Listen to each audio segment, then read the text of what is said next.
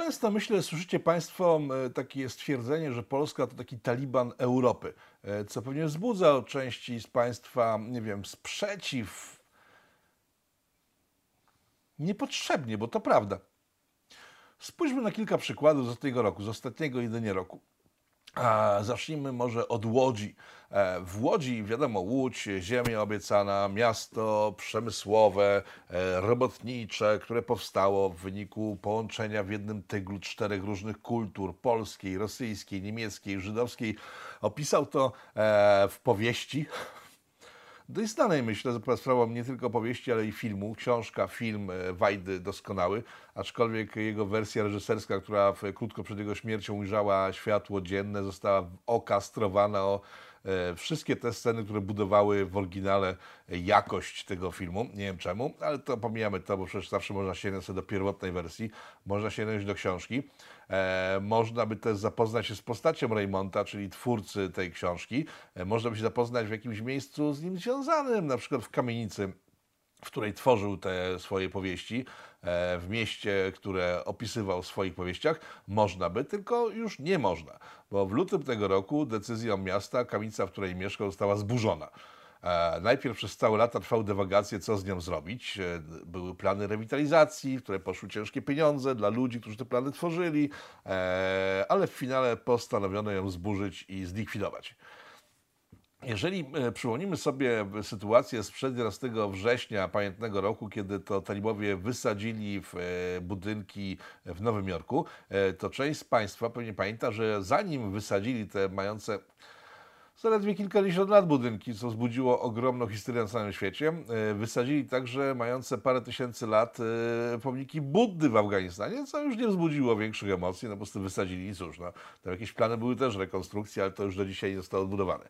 Także takie porównanie z talibami myślę jest tutaj wskazane, bo niszczenie e, rzeczy, już nawet nie mówię mających wartość sentymentalną, tak, ale rzeczy i miejsc, w których e, można by krzewić jakąś wiedzę o naszej historii, w przypadku miasta Łodzi, historii miasta Łodzi, e, w miejscu, w którym ta historia została opisana.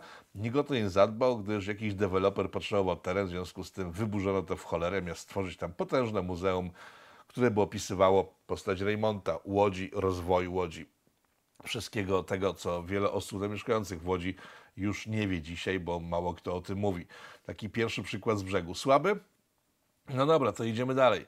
E, przenieśmy się do Gdańska. Jest tam Bazylika Mariacka. Kojarzycie Państwo z pewnością ten ogromny kościół, katedrę, bazylikę właśnie w centrum Starego Miasta w Gdańsku. On się wybija nad Stare Miasto, w związku z tym wszyscy kojarzą e, ten, ten, ten budynek. Jest tak dobrze kojarzę, że tam spoczął pan e, ten Adamowicz, w sensie prochy jego zostały pochowane w tej, w tej, w tej świątyni, w związku z tym jest chyba bardzo istotna. No i w związku właśnie z panem Adamowiczem wydarzyło się coś tam niesamowitego, co nie można nazwać inaczej jak właśnie e, barbarzyństwem, talibanem. Otóż na potrzeby pochowania pana Adamowicza miejscowy proboszcz, który zajmuje się tą katedrą, e, nakazał demontaż mających 300-400 lat płyt nagrobnych. Nie wiem, czy państwo kojarzą, ale ta e, bazylika jest cmentarzem jednocześnie, bo tam chowano w podziemiach e, tej bazyliki znaczących mieszkańców, którzy po prostu wnieśli coś do stworzenia. Tak ten Raymond wniósł coś do zapisania w kartach historii, to oni tworzyli to miasto. Tworzyli miasto Gdańsk, dość istotne w naszej historii, nie tylko w naszej, bo tam Niemcy też operowali, my operowaliśmy, generalnie jest to miasto bardzo istotne z punktu widzenia naszej historii.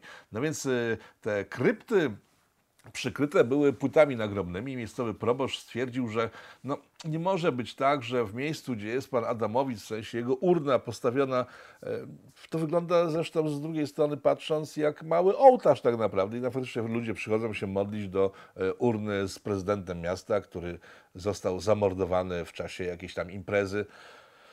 Ale wcześniej było oskarżane liczne przekręty i wszyscy wiedzą, że faktycznie te przekręty dopełniał, no więc ma swój ołtarz w kościele osobny ołtarz dla człowieka, który w sumie z Kościołem miał tyle wspólnego, że był jakiś czas y, ministrantem księdza Jankowskiego.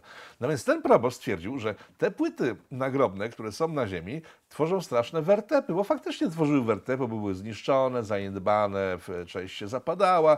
W związku z tym nakazał usunięcie tych płyt i zamontowanie w to miejsce płytek. Nic by się takiego wielkiego chyba jeszcze ciągle nie wydarzyło w Państwa głowach, gdybym nie dodał, że tamte płyty zostały pocięte na płytki. Tak. Kilkusetletnie płyty nagrobne, zabytkowe, obojętniające ludzi, którzy tworzyli miasto Gdańsk, zostały pocięte na kawałeczki. Gdyby nie to, że jacyś lokalni działacze zauważyli, co się dzieje, nie halo, to by w ogóle zostały wycięte w pył, bo część z nich zresztą trafiła na śmietnik razem z kośćmi ludzi, których znaleziono w, w, w tych kryptach, tak? Bo proboszcz twierdził, no co, no jakieś stare kości, stare płyty to daje w ogóle mentalność tego człowieka, e, no to kości na śmietnik, wywiezione na śmietnik faktycznie, na, na wysypisku znaleziono te kości w finale. E, części płyt zostały zmielone i w ogóle też wrzucone, nie ma już ich, a część płyt została uratowana, czy nawet nie uratowana, bo są pocięte, są już poniszczone, nie ma tych płyt. Są tylko kawałeczki, które w tej chwili leżą przed bazyliką, e, otoczone, otoczone płotem i przechodnie pytani przeze mnie, co to za płyty są właściwie miejscowi, lokalni przechodnie, gdańszczanie, którzy mieszkają na Starym Mieście, nie mają pojęcia, jakiś remont jest chyba, ale co nam się stało, to i nie wiedzą, bo media tego w żaden sposób nie nagłośniły. E, Gdańska Strefa Prestiżu to jest taki portal lokalny robiony przez ludzi, którzy stwierdzili, że miejscowe media są tak strasznie beznadziejne, że stworzą sobie własne, że opisywać, co się dzieje. I jako jedyna zainteresowała się tym, e, wypuścili jakieś materiały, to gdzieś tam pożyło, ale nie ma żadnych konsekwencji.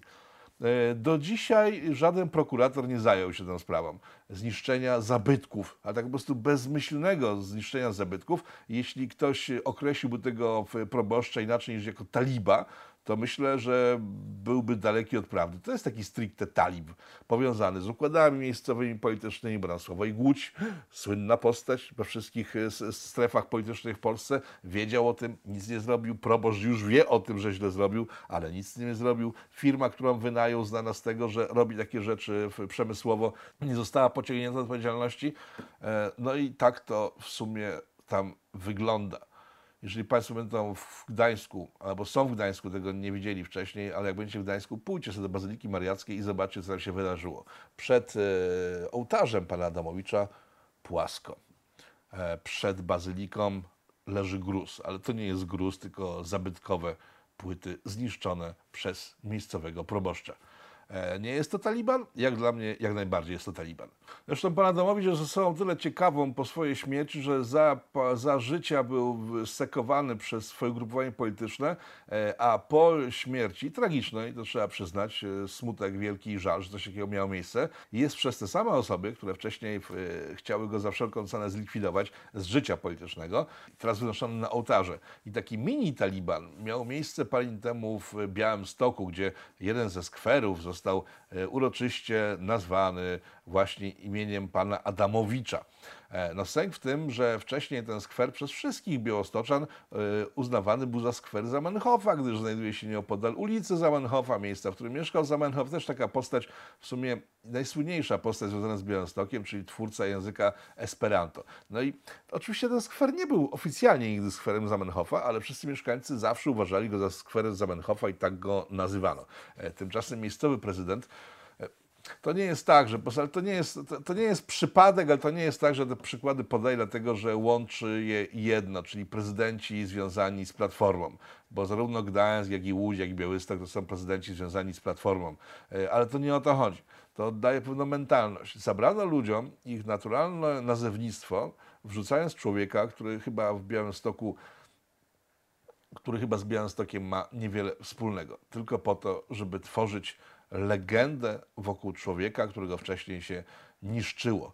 Ten mini Taliban, bo zabranie ludziom e, lokalnym nazewnictwa ich własnego i narzucenie e, nazewnictwa obcego kompletnie dla nich niezrozumiałego, to też jest taki mały talibanik. Nie tak mocny jak w przypadku tych płyt nagrobnych z Gdańska, e, ale jednak też jest to gwałt na jakiejś naturze ludzkiej, logice, na wszystkim tym, co tworzy nasze tradycje, i nie mówię tutaj we wszystkich tych przypadkach o sytuacjach takich jak w Stanach Zjednoczonych, kiedy hołota dewastuje pomniki, tak? albo przypadek z ostatnich tygodni, kiedy jakiś e, człowiek no, ułomny intelektualnie uciął gdzieś krzyż w górach, pokazując triumfalnie, czego dokonał. Stary, żelazny krzyż postawiony przez miejscową ludność, ścięty przez barbarzyńcę. Nie, to nie jest taki barbarzyńca pojedynczy, czy ta hołota w USA, tylko to są działania prowadzone przez urzędników państwowych.